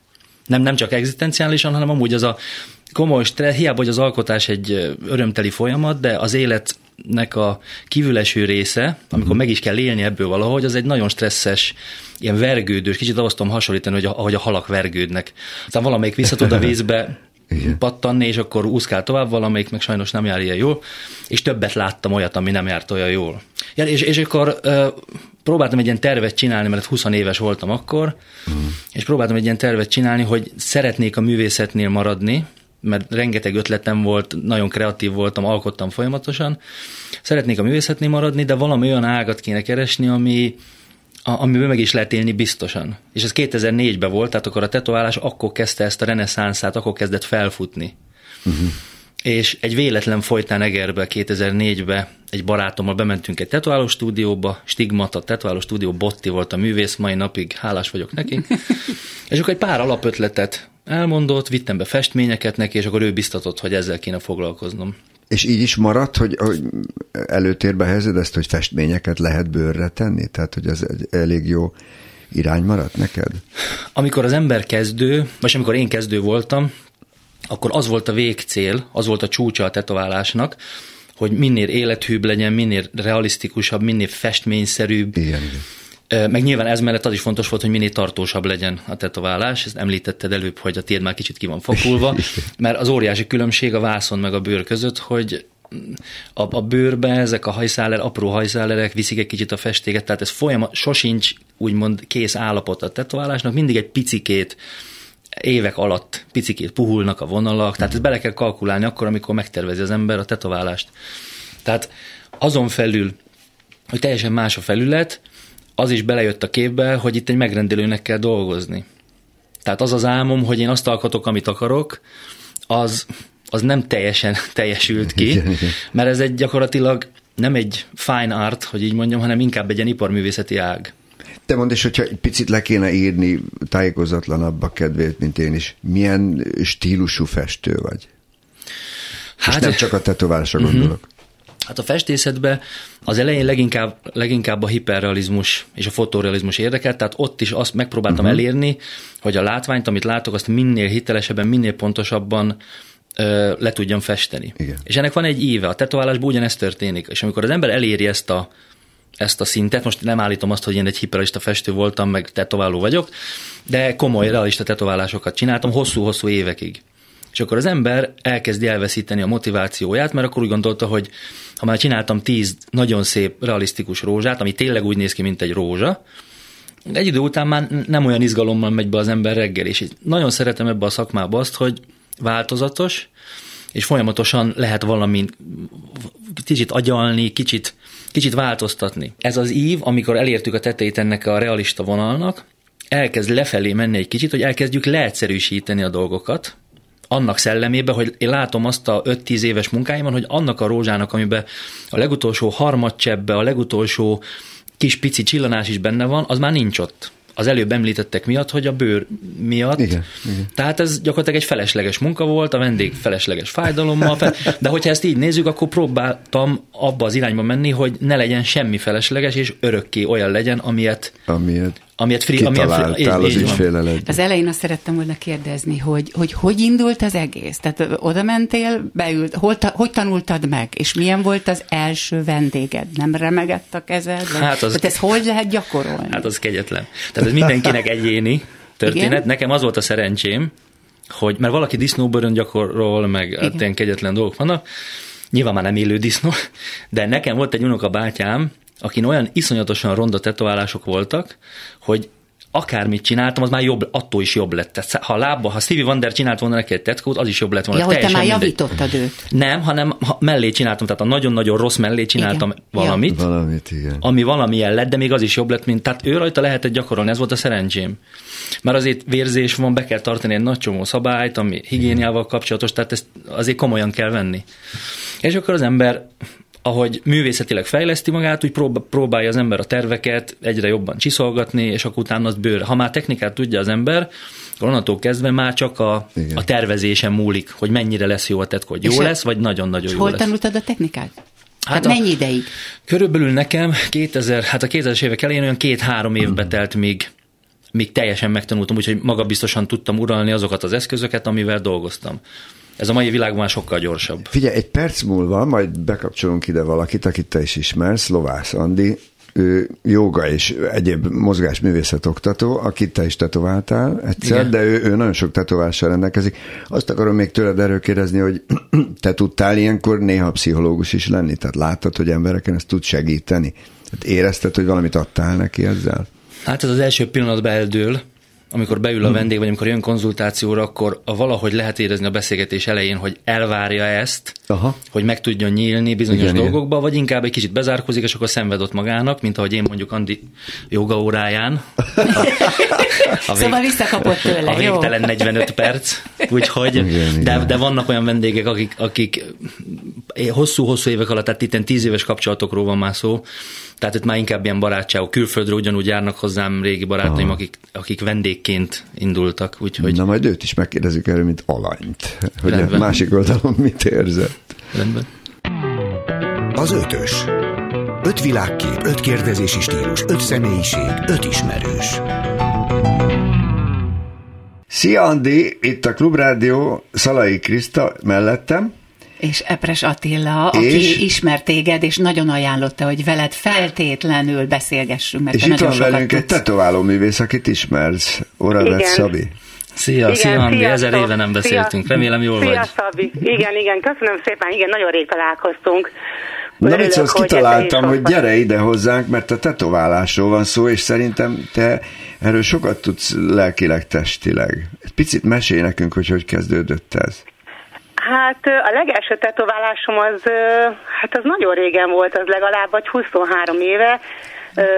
lett az első, és, és akkor hát az nem sikerült annyira jól, ez egy nagyon rossz helyen, rossz időben történt, és én rá egy olyan tíz évre, hát lehet, hogy egy kicsivel több kerestem, találtam egy tetováló művészt, ő volt a Sárközi Zsolti, a, ismeri a Szabi is őt, és őt, őt, kértem, őt kértem meg akkor, hogy ezt a tetoválásomat javítsa ki, ő ezt nagyon örömmel megtette, és, és utána pedig hát a Szabival így összefutottunk. Nyilván van egy korosztály, aki baromira nem érdekel a tetoválás, mert hát ez ugye régen ez kicsit inkább ciki volt, ugye a börtöntöltelékeknek volt, így mondták, van tetkójuk, az üs, meg a juci szeretlek. Hát vagy valamilyen De erős hogy, társaságnak a mintája volt rajtuk. Tehát, hogy ma, ma mit, mit tudnám mondani ennek a generációnak, hogy miért jó a tetoválás, vagy, vagy milyen lélektani háttere van?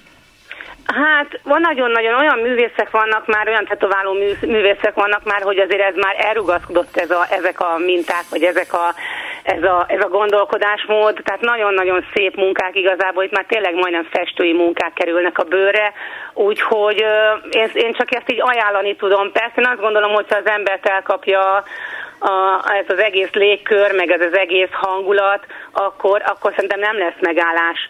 Pláne, hogyha olyan tetováló művészekkel kerül össze, akik, akik tényleg nagyon-nagyon szépen dolgoznak, és, és így megmarad a bőrön ez a munka, és, és akkor látod az eredményt, látod, hogy úristen, ez annyira szép, hogy, hogy, hogy, így, hogy így díszíti a testet. És én azt gondolom, hogy ezt, ezt én nagyon szerettem, tehát én nagyon-nagyon szerettem a tetoválásokat. Persze vannak emberek, akik nem annyira, de én azt gondolom, hogy annyira megváltoztak tényleg így a hozzáállása az embereknek is, meg, meg, meg az egész így, így a stílusok, így a, így a munkák, hogy, hogy tényleg inkább ilyen művészi tetoválások vannak már. Az emberek nem botránkoznak meg rajta, sőt szerintem a vendégeknek is egy ilyen kicsit ilyen extrém kihívás, hogy egy olyan oktatóval dolgoznak, aki, aki így, akinek is szép tetoválásai vannak, és látják, és hozzám is szoktak jönni vendégek, hogy hogy kinél, ki voltak tetoválók, ki dolgoztak a bőrömön. Viszed a reklámot tovább szépen. Igen. Hát igen, valahogy így igen, mert hogy, mert, hogy, mert hogy így szoktam ajánlani, igen, hogyha így látják a munkákat rajtam.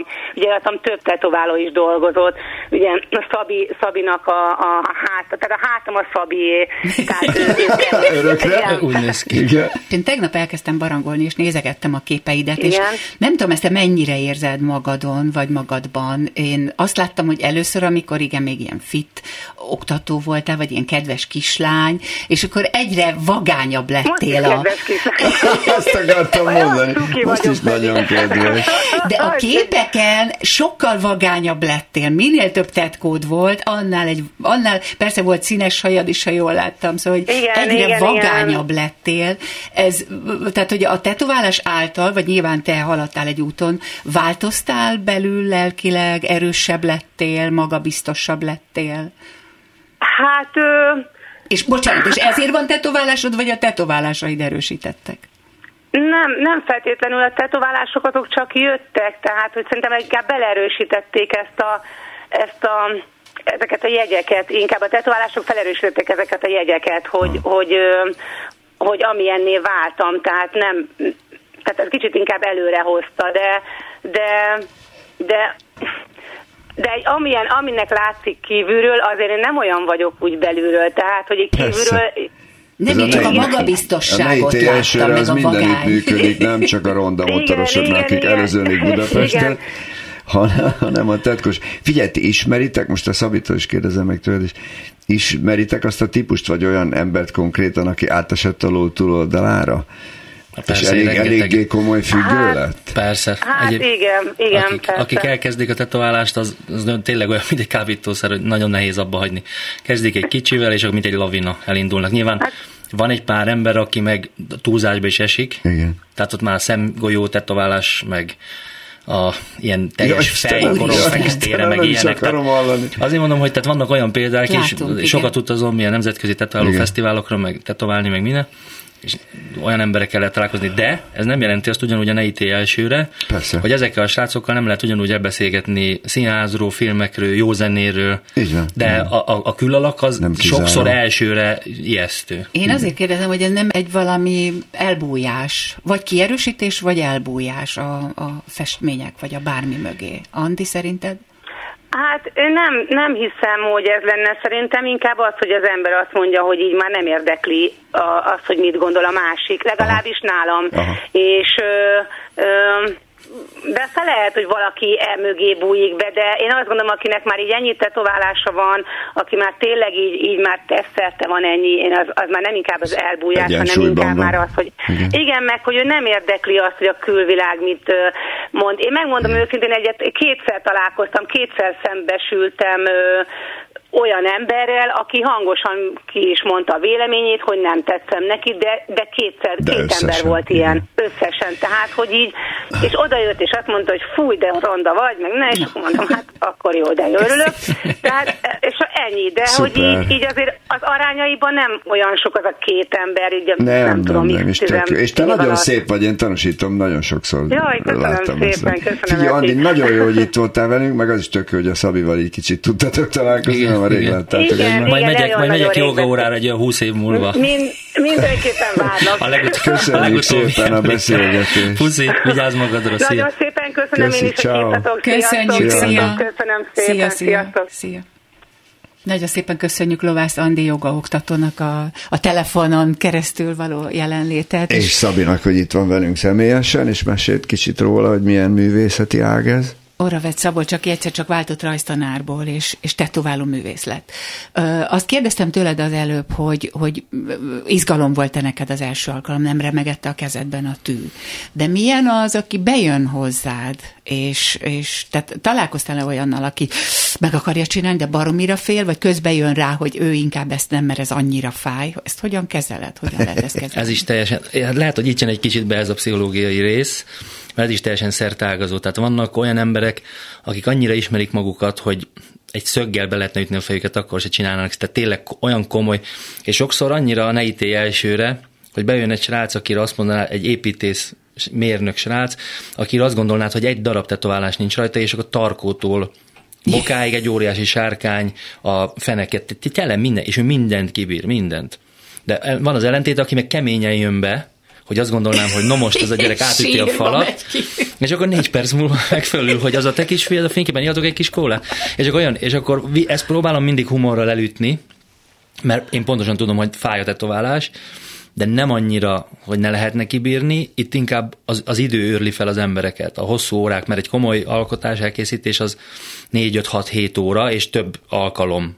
Tehát egy, Persze, egy full persze. színes kar, mondjuk mit tudom én, 6-7 alkalomból ilyen 4-5 alka- órás alkalmak. Tehát az idő őrli fel nagyon sokszor az embereket. koncentráció neked is. Mi Persze. van, ha fáj a hasad, mi van, ha bármi? Hát én látom a kezeden is, most például kilók, hogy nagyon szép dolog, úgyhogy azt javaslom a hallgatóknak, hogy próbálják ki, és köszönjük szépen még egyszer, hogy Én itt is, voltál én is ezt javaslom nekik, hogy próbálják, jöjjenek hozzánk. Nagyon szépen köszönjük az utolsó blogban Lovász Andinak és Orvács Szabolcsnak, hogy itt voltak velünk. Nagyon szépen köszönöm Attila, hogy ma velem voltál, a hallgatókkal voltál, és nagyon szépen Hát köszönjük remek a kedves... társaság gyűlt össze, ugye az első felében Molnár Piroskával és Pogány Judittal tudtunk beszélgetni, ami egyrészt megtisztelő, másrészt örömteli volt, két nagyszerű hölgy, aki remekül tud beszélni, egyébként nagyjából bármiről, de a rivalizálásról volt szó, aztán a törzshelyekről, Igen, és most legutóbb pedig a tetováló művészetről beszélgettünk, és nagyon szépen köszönjük. Itt volt a... velünk Pipó Laci, a telefonban Szekeres Tamás sportriporter ebben a témában, és itt ült velünk